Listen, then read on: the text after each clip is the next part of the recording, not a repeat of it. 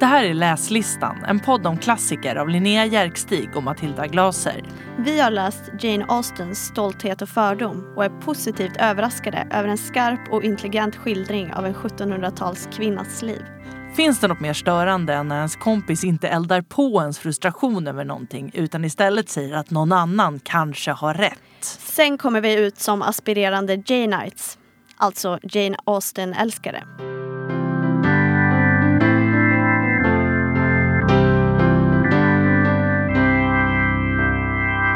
Hej och välkomna till läslistan. Hallå hallå! Jag heter Matilda Glaser Jag heter Linnea Jerkstig. och vi i den här podden pratar vi om klassiker. Och Ja. idag ska vi prata om Stolthet och fördom av, eh, Jane Austen. ja, Det ska bli jättekul. ja verkligen. Jag är extremt peppad på att prata om den här boken faktiskt.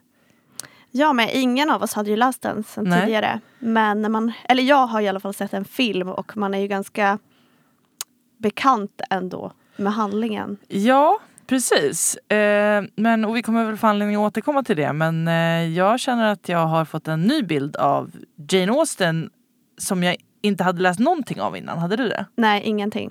Men nu är jag sugen på att läsa allt. Precis. Vi kan ju återkomma till det. Men du kan ju börja med att berätta lite grann om vad boken handlar om kanske. Ja, det kan jag göra. Den handlar om eh, en kvinna som heter Elizabeth Bennet eh, och hennes systrar. De är fem systrar och hon är näst äldst av dem. Och de bor ju då tillsammans eh, med sina föräldrar på en stor herrgård. Och den här herrgården eh, kommer att gå till ar- i arv till en avlägsen släkting eh, när deras pappa dör.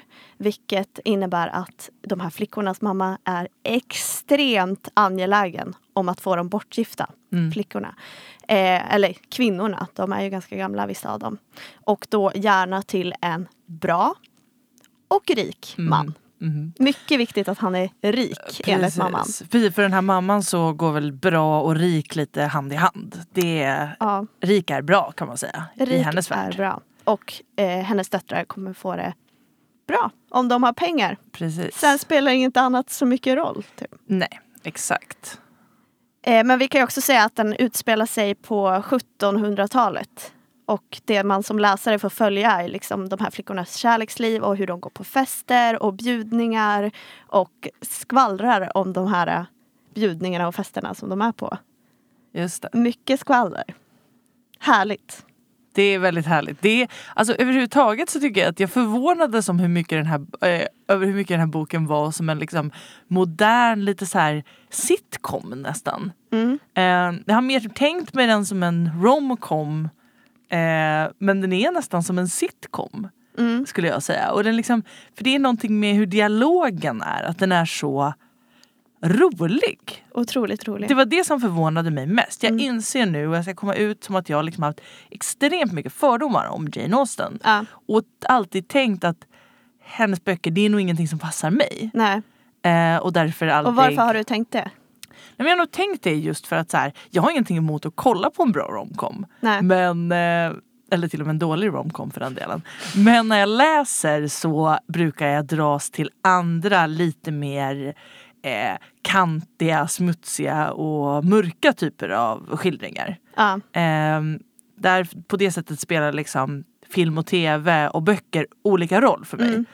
Och därför har jag någonstans ytterst fördomsfullt tänkt att nej men Jane Austen det handlar bara om eh, eh, olika kvinnor som sitter och väntar på att någon man ska höra av sig. Och, eh, men liksom det, jag har inte trott att det var för mig men det har jag totalt ändrat uppfattning om efter att ha läst den här boken. Men jag håller med, helt med. Jag har också haft den uppfattningen om att det handlar om ja, men prydliga kvinnor Ja. som väntar på rätt rik man. Man har ju fattat att det handlar mycket om liksom, pengar och välstånd. Ja. Typ.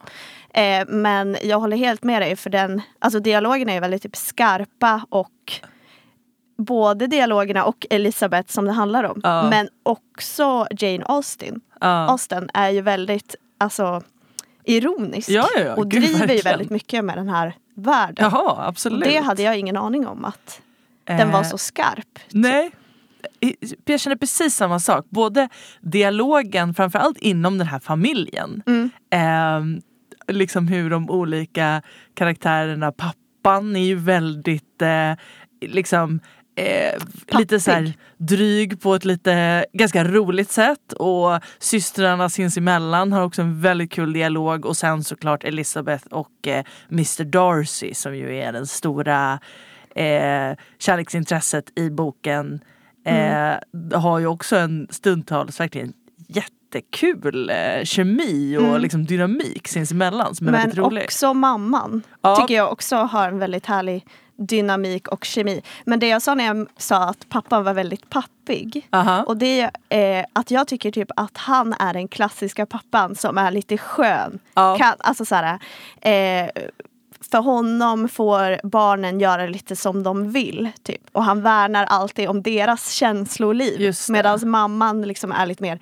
ansvarstagande och kan verka lite mer eh, ja, men lite mer orättvis. Precis. Typ. Ja precis. Sen tycker jag också att pappan beskrivs kanske på ett mer välvilligt sätt än vad mamman Exakt. gör. Mamman är ju lite mer av en att man säger stereotyp eller liksom nidbild och hon beskrivs ju som ganska osympatisk många gånger Mm. och relationen mellan mamman och pappan det är ju verkligen ett sidospår men liksom beskrivs ju som att han har tröttnat på henne Mm. för att hon är och inte egentligen, det kan ju hända såklart i ett långt äktenskap i en tid där man inte skiljer sig förstås.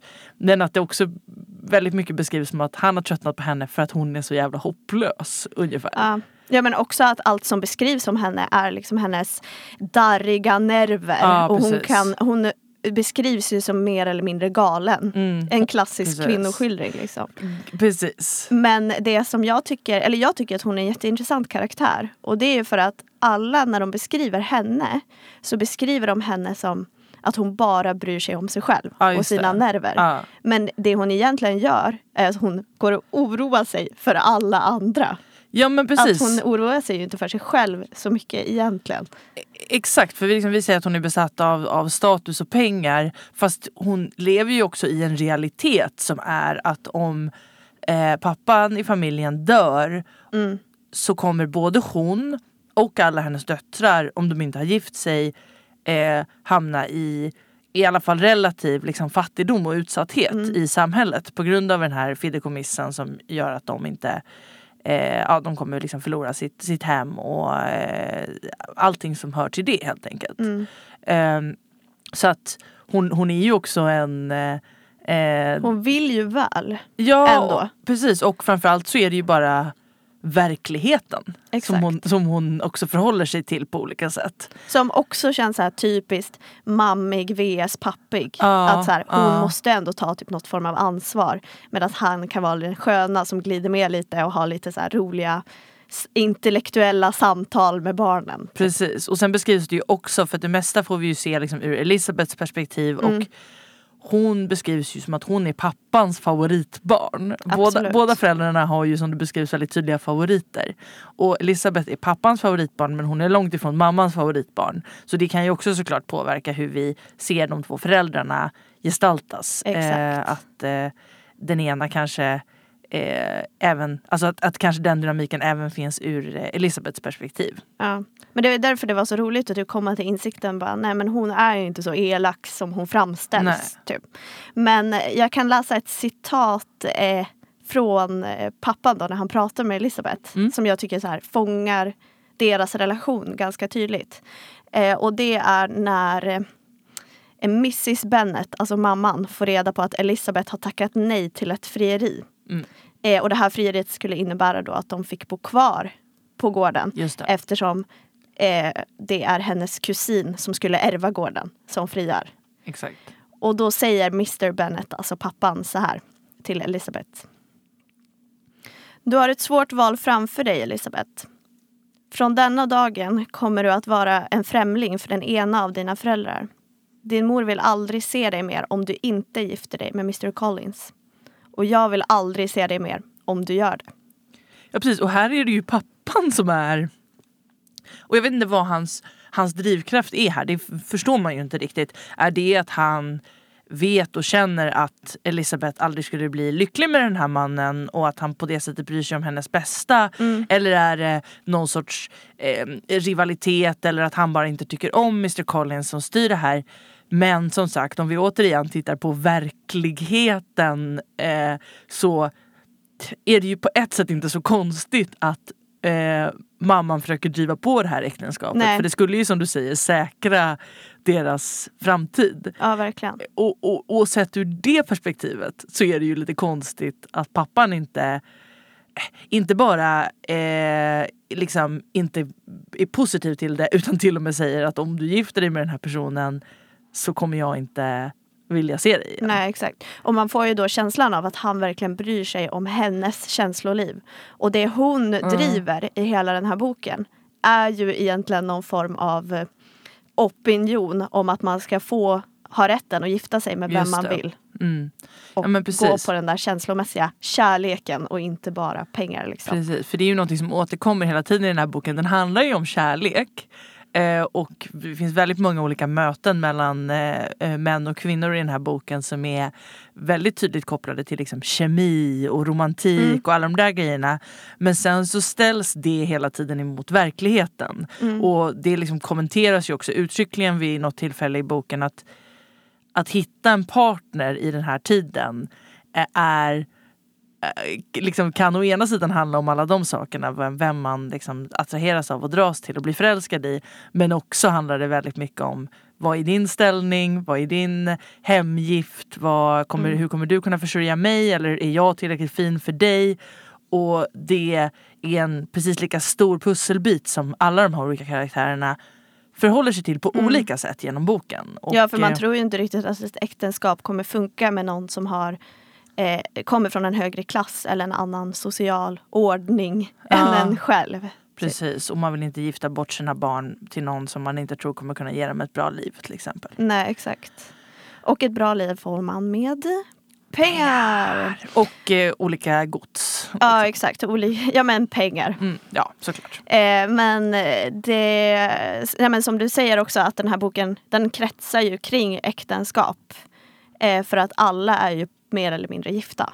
Ja, och jag precis, tänkte eller- ganska mycket att man får se alltså, att eh, de goda äktenskapen ställs mot de dåliga. Mm. Och då är ett dåligt äktenskap i boken den mellan Mr och Mrs Bennet. Just alltså det. Elisabeths föräldrar.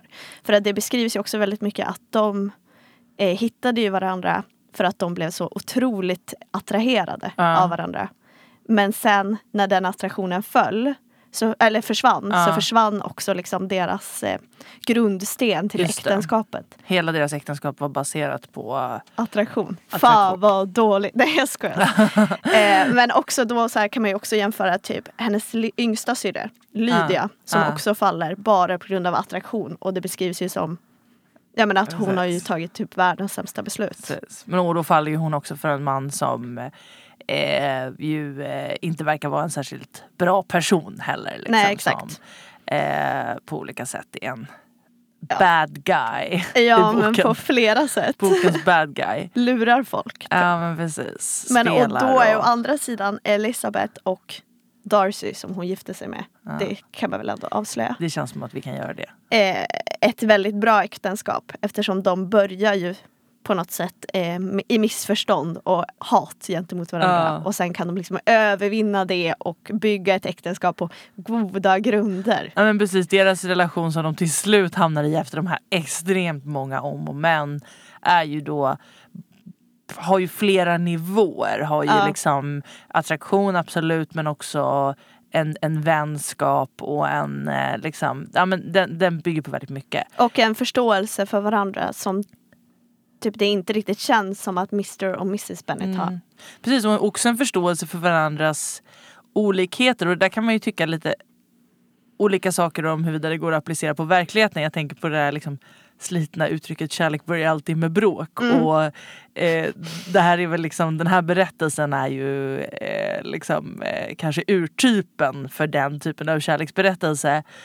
Och jag är inte 100% säker på att jag tror att det alltid är eh, sant. Eh, men i det här fallet så känns det ju som om man jämför Elizabeth och Mr Darcy med eh, Mr och Mrs Bennet så känns det ju som att eftersom att de börjar med bråk Mm. så när de väl lyckas överkomma det så har de en mycket större förståelse för varandras egenheter. Mm. Eh, och liksom dåliga eller bara olika sidor. Eh, vilket innebär att de kan liksom förstå och respektera det och så kanske gnabbas lite grann om det ibland. Medan Mr och Mrs Bennet, de är liksom bara i två olika universum och har överhuvudtaget ingen förståelse för varandra och liksom bara går runt och tycker att den andra är eh, Jättekonstigt. Ja, Men en annan sak också som, eh, som man kan ta upp det är också att Elisabeth och Darcy lär känna varandra innan de gifter sig. Ja. Till skillnad från eh, ja, men de andra som bara gifter sig direkt. just typ. det, precis. Men det som är konstigt är egentligen att om hela boken är liksom en samhällskommentar mot Mm. att, eller så här, om att man ska få gifta sig med den man vill. Ja, Så det är konstigt också att det dåliga äktenskapet är det som bygger på attraktion. just det. För det blir lite motsägelsefullt också. Precis. Fast då tar hon det liksom ett steg längre. Ett mer moraliserande steg kring det Ja. kanske. Eller Men typ precis. komplicerar det. Men jag tycker att hon, precis, hon, precis, det är väl det hon gör, att hon liksom problematiserar och nyanserar det tänker jag. Att det liksom båda sidorna finns där och rent krasst så måste båda sidorna finnas där. Det är liksom inte bara en, en himlastormande kärlek övervinner inte allt. Nej. Kanske, för att det finns också en verklighet att förhålla sig till. Eh, och det finns ju andra exempel på äktenskap, till exempel eh, Mrs Bennets eh, bror och hans fru. Mm. Eh, som ju inte spelar en jättestor roll men som ju i den väldigt ytliga beskrivningen man får av dem framstår som ett väldigt harmoniskt och eh, eh, välmående äktenskap men som om jag inte minns fel känns väldigt sådär konventionellt eh, eh, att, har, att b- börjat väldigt konventionellt och att de verkligen kommer från samma ställning och Mm. aldrig har behövt eh, förhålla sig till den här typen av, av saker. Liksom. Nej. Men hittat en väldigt stabil eh, liksom relation i det. Så att jag håller med dig om att hon, hon ger ju inte en så solklar, eh, ett solklart case för att så här, eh, allting handlar om kärlek och passion. Liksom. Nej. Nej men för deras relation skriker ju också verkligen ordet trygghet. Ja, exakt. Den blir ju verkligen som en liksom fast punkt. Sen får vi ju Mm. liksom inte komma, komma så nära dem. Så vi får ju inte heller veta exakt hur deras relation är på tu man hand. Nej. Eller liksom i, Men deras relation blir ju som en motpol då mot Mr och Mrs Bennet som Precis. skriker typ kaos och Mm. så här, eh, att man alltid är ovänner. Liksom. ja, verkligen. Men eh, om vi ska prata lite mer om Elisabeth och Darcy. Ja. Eh, vad tycker du om liksom, det, beskrivningen av deras förhållande eller liksom hur den växer fram? Eller vad man ska säga. Alltså, jag, eh, jag tycker att den växer extremt mycket. Mm. Att i början så eh, är den ju, ja men den är ju, den är ju skavig onekligen såklart. Mm. Och, och jag kanske inte liksom är helt övertygad. För att den börjar ju liksom med att han säger en plump kommentar. Det är det första mötet Elisabeth har med honom. Att Visst hon, är det på den här balen eller en festen? bal, Ja. exakt. Så hör hon honom säga en eh, liksom, ja, men, otrevlig, nedlåtande kommentar om henne. Och det präglar ju hela hennes bild och han överhuvudtaget när han liksom gör entré i, den här, i det här samhället eh, beskrivs som väldigt liksom, otrevlig och dryg och eh, Han beskrivs som en liten översittare som är exakt. superstolt. Typ. högmodig och stolt. Mm. Precis, och där kommer vi ju in på det här eh, med vad boken heter. Stolthet och fördom. Mm. Eh, att det är det som eh, illustrerar deras relation. Han, eh, hans eh, svagheter i liksom i relation till att de till slut ska kunna bli tillsammans vilket då är liksom det som är meant to be någonstans Mm. i boken. Eh, hans eh, svårigheter i det präglas av stolthet. Mm. Att han är en extremt stolt person.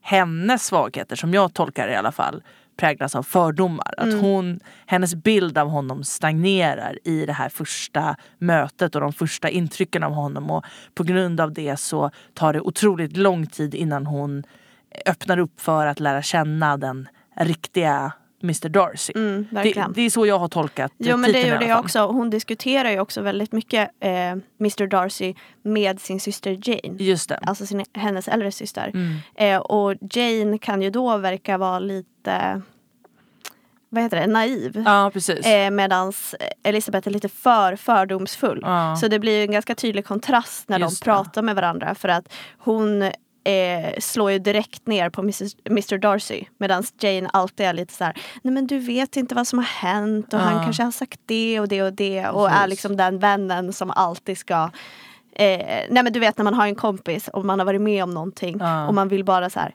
ranta och vara man jättearg. spyr ur sig liksom. Och man vill Ja. inget hellre än att kompisen ska vara så här bara, Nej, sa han det? Vilket, Vilket jävla jävla as! as." Ja exakt.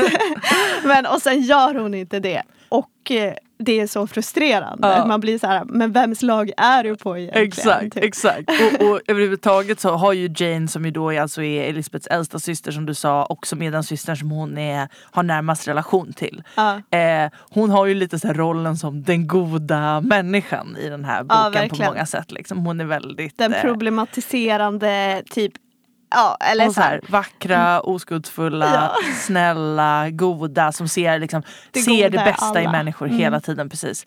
Medans då Elisabeth eh, styrs av de här fördomarna på ett väldigt, väldigt mänskligt sätt ska Ja, vi säga. verkligen. Det, det, jag har full förståelse för hennes, eh, för att Mr Darcy gör ju i, till en början i alla fall ganska lite för att få henne att eh, eh, tycka om honom. tycka om honom Men eller han liksom tycker inte heller om henne i början. Nej, precis. Men, men det var det jag skulle komma till också. att så här, i, I början av boken så, så har de då den här extremt liksom kalla relationen från båda håll vad det verkar. Mm. Och sen helt plötsligt så har han blivit kär i henne. Mm. Och, och i det läget så förstår inte jag riktigt vad, han, som har vad som har fått honom att, att komma dit. Mm.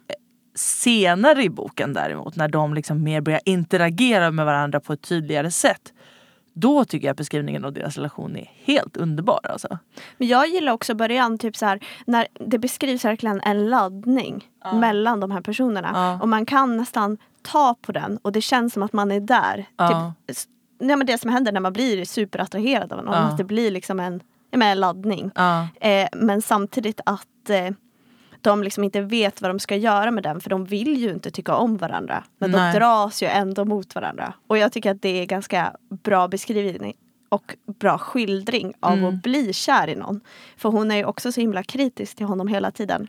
Men samtidigt kan hon vända lätt och bara, men vilken hjälte. Ja. Och sen kanske han inte tittar på henne tillräckligt mycket under någon middag eller någonting. Och då är hon såhär, jag hatar honom, vilket svin. Alltså att Ja. det verkligen är svart eller vitt hela tiden när deras relation Nej, men fram. precis. Och hon är ju väldigt så eh, liksom, och, och jag måste säga att alltså, Elizabeth Bennet är en otroligt charmig eh, karaktär. Alltså jag tycker Ja. så otroligt mycket om henne. Hon är absolut inte perfekt liksom och just därför också kanske.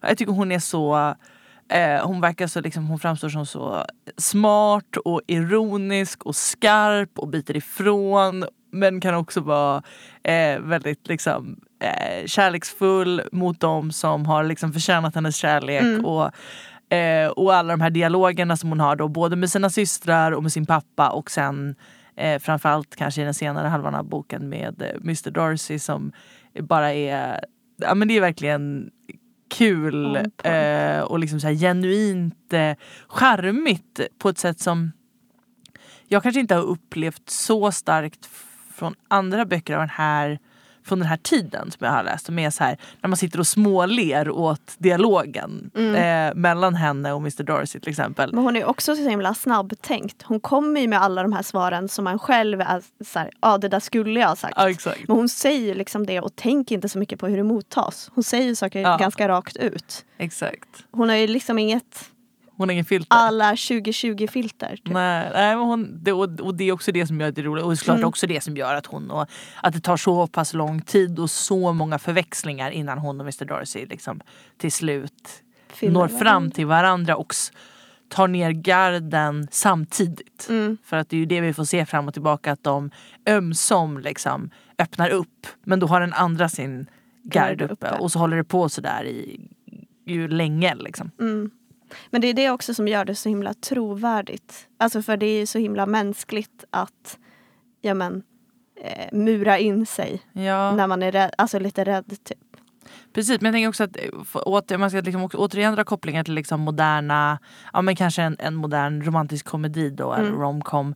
Eh, så är det ju, där är det ju en väldigt så här, klassisk typ av eh, story som är så här förväxlingarna som Mm. många sådana filmer som man tittar på är man ju så här, men om ni två bara hade satt er ner och pratat med varandra från början då hade den här filmen varit fem minuter lång. Men det är det som är mänskligt. Ja. Exakt, fast, och jag, kan ty- jag kan tycka i vissa sammanhang att det kan vara så här bara för forcerat liksom, i, i, i vissa sådana Ja, skildringar. men inte i den här. Men inte i den här. Nej, exakt. bra. Jag exakt. trodde du skulle säga, och verkligen i den här. Nej, Jag nej, bara, nej, nej, nej. Precis tvärtom. Att här känns det eh, här känns det mänskligt. Här Ja. får vi liksom se människorna och vad som driver dem. Men också att det känns tydlig, mer trovärdigt på ett sätt i den här tiden. Eh, att den här, alltså i en tid av så mycket konvention Mm. och så mycket regler om hur män och kvinnor får interagera med varandra när de inte är förlovade eller gifta. Mm. Så, så är det också så otroligt lätt att se hur den här typen av missförstånd uppstår. Ja, verkligen. Så, och det gör att, nej, så jag, här tycker jag bara att det är, är här köper jag det till 100%. Mm. Det finns, tänker jag, eh, exempel på liksom när man har försökt ta exakt samma dynamik och sätta den i en nutidskontext och där det inte alltid funkar för att eh, det finns andra liksom eh, Men det känns också som om man tar den här problematiken, eller vad man ska kalla den, och sätter den i en nutidskontext. Så känns det också som att den kan bli mindre trovärdig eftersom man har mindre tålamod idag. Ja. Man kanske skulle ge upp ja, efter precis. några vändor och inte liksom hålla Exakt. ut så länge. Och det kanske inte heller är lika stora chanser att man stöter på varandra Ja. så ofta. För det är en ganska liten miljö Ja, även om ja. de rör sig över stora områden. Ja, nej men absolut, det är liksom, de här kretsarna är små liksom. Mm. Och alla känner alla eller är släkt med varandra vilket ju också återkommer flera gånger. Mm. Ehm, Och typ idag, jag tänker också så här, idag är det så lätt att tänka att man kan träffa någon annan. Och bara så här, jag orkar inte förstå den människan. För jag behöver inte det. precis. Eller jag vet inte. Ja, nej men, nej men absolut. Det är, men, men vi är överens om att här funkar det. Här funkar det. Mm. Men jag har ju sett filmen också, eller den senaste filmatiseringen tror Just jag. Eh, och eh, ni får höra av er om jag har fel. Men i mitt minne så är det inte lika många vändor i filmen heller. Nej. Utan att saker sker ganska mycket snabbare. Eller att de här eh, missför, eh, missförstånden är kanske drar lite längre ut på tiden. Så att man får inte se alla missförstånd och alla brev och alla vändor hit och dit. Nej. Och det förstår jag att man tjänar på i en film. Men det gav verkligen ett mervärde i boken. Ja. Så även om ni har sett filmen eh, så läs boken. Ja. Nu har inte jag sett filmen så för mig är nästa steg faktiskt att se filmen för jag har hört att den ska vara Den var väldigt, väldigt bra. kul. Och jag älskar den typen av filmer. Alltså typ kostymdrama. Ja. Och det är otroligt fint. Precis. Åh, nej, men jag är så glad över att jag har fått Jane Austen eh, i mitt liv. Mm, jag med. Jag känner att eh, jag, i förordet i alla fall till min version av boken så stod de Austenites.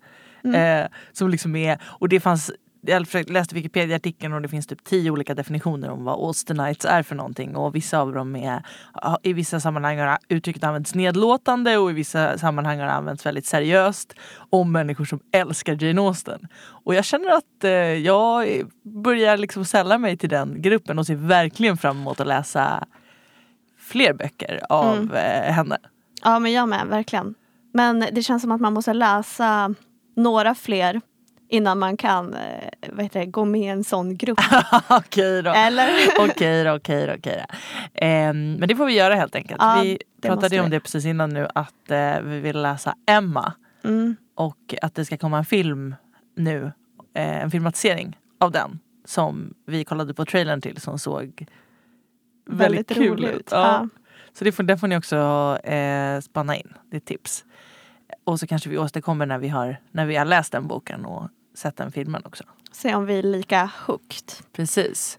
Men eh, jag ska bara säga en sak också om eh, den här. Alltså man tänker ju att Jane Austen och typ eh, Emily och Charlotte Bronte och alla de är liksom under samma tid. Mm. Eh, och vi läste ju eh, Svindlande höjder då Ja. av Emily Bronte.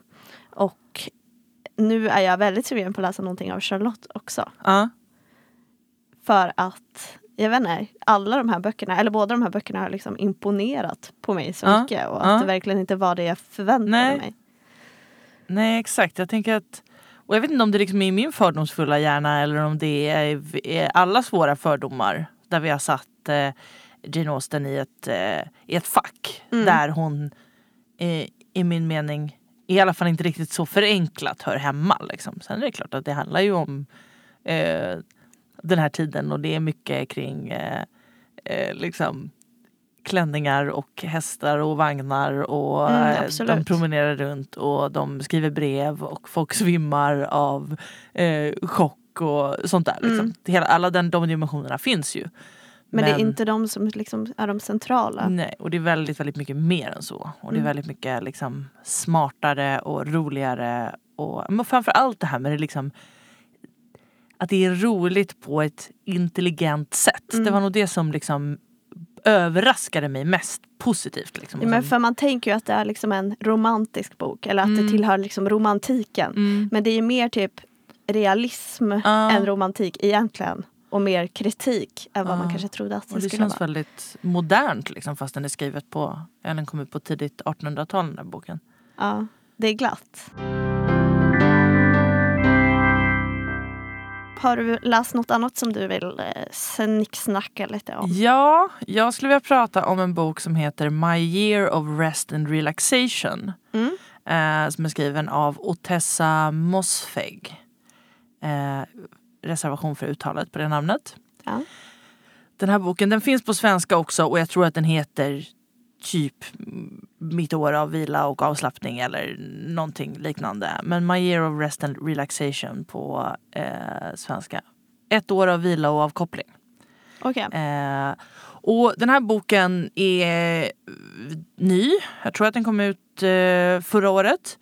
Eh, och eh, den handlar om en eh, ganska ung kvinna i 20-årsåldern eh, som ko- bor i eh, New York. Kommer från, en, eh, kommer från pengar, har mycket pengar. Eh, men har ganska lite annat kan man väl säga. Mhm. eh, Alltså lite liv eller lite... Ja, jo, jo. Alltså så här, hon, hon har... Eh, det, det, själva premissen i boken är att hon har beslutat sig för att hon ska ägna ett helt år åt att sova Aha. mer eller mindre. Och självklart finns det ju en massa olika dimensioner i det här. Vad, vad som för henne fram till det här beslutet. Hon eh, eh, har bland annat förlorat båda sina föräldrar så hon är föräldralös. Hon eh, har haft extremt dåliga relationer med män. Eh, är ganska ensam. Eh, så att det, det liksom finns ju en stark såklart dimension av psykisk ohälsa i det här. Eh, men den liksom, den, det talas inte om den så uttryckligen i boken utan boken handlar just om de här praktiska eh, sakerna hon gör under ett år för att få sova. Ja, så liksom förberedelserna inför Nej, det, året? det är under årets gång. Den Aha. börjar liksom precis i samband med att det här året inleds. Och, och självklart för att, eh, för att kunna sova och vara liksom inaktiv så mycket som hon gör så krävs det ju eh, medicin. Ja. Olika typer av... Eh, Men hon ska alltså sova? Hon ska inte typ sova och vila eller hon ska ligga liksom i Självklart ska hon inte sova. typ. Nej, hon ska, hon ska ja, ja, ligga i. Det kanske är rätt uttryck för det. Självklart sover hon inte under hela året. Men hon Nej. är mer eller mindre i sin lägenhet. Går till sin lokala lilla bodega och köper lite kaffe. Ja. Eh, går upp igen. Går till sin psykolog. Som ju då är personen som möjliggör det här. Som är liksom en fruktansvärt galen och ganska rolig men helt sinnessjuk människa som liksom möjliggör det här genom att skriva ut den ena efter den andra eh, starkare och starkare eh, formen av psykofarmaka. Mhm. Eh, så att det är liksom ett år av, hon beskriver det som sitt år av vila och avkoppling. Ä- Det är svårt att prata om för det är liksom en väldigt svår, eh, det finns så många dimensioner av det här. Liksom. Mm. Eh, det här är också en så här väldigt, liksom, det finns en extremt mycket svart humor i den här boken. Men det finns också såklart väldigt, väldigt mycket av ett avgrundsdjupt svart mörker Mm. i vad som får en person att hamna i det här tillståndet som hon är- är i. Och, men det finns också någonting eh, väldigt, väldigt spännande i hur den här boken inte handlar om att hon ska komma till insikt om att Någonting, vad det var i hennes... Ja. Liksom vi får ve veta saker om hennes barndom och hennes uppväxt och eh, så vidare som, som, som hjälper oss att förstå henne, vem hon är. Men det handlar liksom inte riktigt om att hon ska komma till den insikten. Nej, Ehm, man ska inte gå till Freud och ligga på någon nej, divan. när hon går istället till den här bindgalna... ehm, Läkemedelsfantasten. Ja, exakt. Ja. Ehm, nej, men den, är, den, är liksom, den är svår att beskriva men den är jätte, jättebra. Verkligen. Men jag det den här känns verkligen... så bra. Alltså jag blir jättesugen på att läsa den när du pratar om den. Och det är mycket för att det känns som att det är verkligen en bok som är i tiden. Ja, så här- absolut. Alla har väl tänkt någon gång på hur skönt det skulle vara att låsa in sig i någon månad eller Ja, exakt. vissa exakt. går ju i silence liksom. Exakt. Och, men också liksom, om man pratar om utbrändhet eller liksom Mm. depression. Eller Eh, bara så här stänga av sig från sociala Ja, medier nej, en visst. stund. Typ. allt, allt det här hänger ihop. Och sen en annan extremt stor styrka i den här boken skulle jag säga är att eh, den här författaren hon ryggar verkligen inte från att beskriva liksom det smutsiga och äckliga i Mm. en kvinnokaraktär. Mm. Och för den här kvinnan är på ytan har hon allt. Hon har väldigt mycket pengar. Hon är beskrivs det liksom återkommande extremt snygg, smal. Eh, liksom har alla, egentligen på pappret, hon har liksom en lägenhet i, på Manhattan. På pappret har hon allt. Men Men mår ändå skit. trots det mår hon skit. Ja. Och ja men det är någonting som är eh, Ja jag tyckte den var jättespännande och jag vet att eh, eh, den här författaren har skrivit flera böcker, eh, Otessa Mosfeg, som tydligen också ska, just där hon just också eh, gör upp med de här liksom smutsiga, eh, äckliga och liksom vad man säga, mot, den motbjudande kvinnan. Liksom. Mm. Och eh, jag tycker det är spännande så att jag ska eh, läsa flera av hennes böcker framöver. Mm, jag ska läsa den här och så ska jag åter, återkomma. Ehm, jag tänker lite på en bok som jag läste ganska nyligen som heter Madonna också. Av Ja, Sara Villius. Har du läst just den? det, nej det har jag inte än. Men den, För den är också verkligen så här kvinnan får vara äcklig och ta plats och ja men alltså tänka tankar som man inte får tänka. Ja. Den var väldigt fascinerande. Jag kommer att tänka på den som ett litet tips också. ja, vad spännande. Den ska jag också läsa. Men det var inte den boken som jag skulle prata om. Nej, vad ska, Ska vi prata gå om? vidare? Ja. Eh, Svartstilla av Susanne Skogstad. Har du läst den? Nej. Jag kände verkligen att nu gör jag en Matilda Aha. och eh, inte förflytta mig så mycket i världen eller i tiden eller sådär. Men att jag läser om någonting som jag verkligen inte har satt mig in i tidigare. Okej. Eller liksom funderat så mycket på. Ja. För den här boken handlar då om en äldre kvinna som förlorat sin man som hon har varit gift med i kanske typ 50 år, alltså väldigt länge. Mm. Och nu kan hon inte längre ta hand om sig själv. Varpå, jag menar alltså så en klassisk berättelse om eh, äldre människor. Liksom. Ja. Och hennes barn försöker få henne att flytta ut ur huset som hon och hennes man då har bott i. Ja. Eh, eller de tvingar henne att göra det för hon har liksom ingenting att säga till om för Mm. att hon är gammal och inte kan ta hand om sig själv. Men hon vill ju såklart inte flytta för att i det här huset finns ju allting som påminner om hennes man. Som hon saknar så otroligt Just det. mycket. Och om hon flyttar så kommer han också dö på något sätt. För Ja, hon känner ju liksom att han lever där med henne. Eh, och ja men där det handlar om är liksom kampen för att få henne att flytta och hennes liksom kärleks eller känsloliv.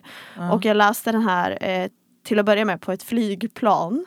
Och sen kände jag jag orkar inte tänka på döden när jag sitter på det här planet. Så jag läste den under ganska lång tid för att vara så kort. Den är bara 140 sidor ish. Okay. Eh, men den hade sån liksom tyngd och var så känslomässigt drabbande att man kunde inte, lä- eller jag kunde inte läsa den snabbt. Okay. För att man liksom ville så smaka på alla ord och Mm. alla meningar. Och bara vara i hennes avgrundsdjupa sorg. Typ. Ja, jag förstår. Men det som var spännande och som jag tänkte på när jag sa så här, ja, men att jag har satt mig in i någonting som jag aldrig har föreställt mig. Det är bara så här hur hemskt det måste vara att dels inte kunna ta hand om sig själv Ja, längre Verkligen. och dels så här, inte få bestämma över Mm. sitt liv. Förlora sin autonomi liksom. Exakt. Vem är man då? Ja. Är man ens vuxen? Liksom, är man en människa?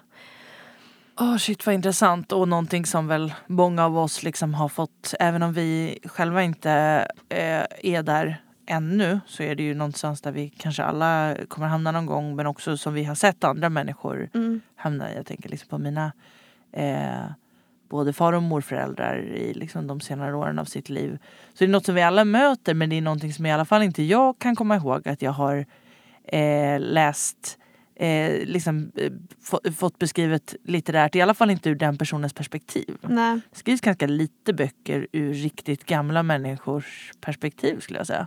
Ja, eller så har man kanske bara inte läst dem för att man själv inte är Ja, så nej, det gammal. kanske är sant. Tipsa oss om ni har några bra böcker på det här temat. Kanske inte typ hundraåringen. Nej. Eh. Den är och för sig rolig men ja, Men det är precis. inte riktigt det temat som vi tänker kanske. Ehm, nej. Men, nej, jag för det som man är bekant med från typ filmer eller litteratur och sådär det är ju eh, barnets perspektiv. Ja, Och den där jobbiga föräldern som inte bara kan lyssna typ. exakt. Exakt. Den sen, senildementa gamlingen som inte vet sitt eget bästa typ. Ja exakt. Fast den inte är senildement. alltså Nej, bara en nej, gamling. Nej typ. men precis. Men ja, den var väldigt Gud vilket spännande tema. stark. Ja. Mm. Så den kan ni läsa om ni får feeling på lite sorg. Eller din, det är ett gemensamt tema. Men inte när ni inte vill tänka på döden. Nej, inte på flygplan. Då vill man inte tänka på döden. Nej. Ja, ska vi sätta punkt? Jag tycker vi gör det. Mm, Tack kul snälla att för att ni ville lyssnar. lyssna. Tack, tack. Tack. Ha det bra. Hej då! Hej då.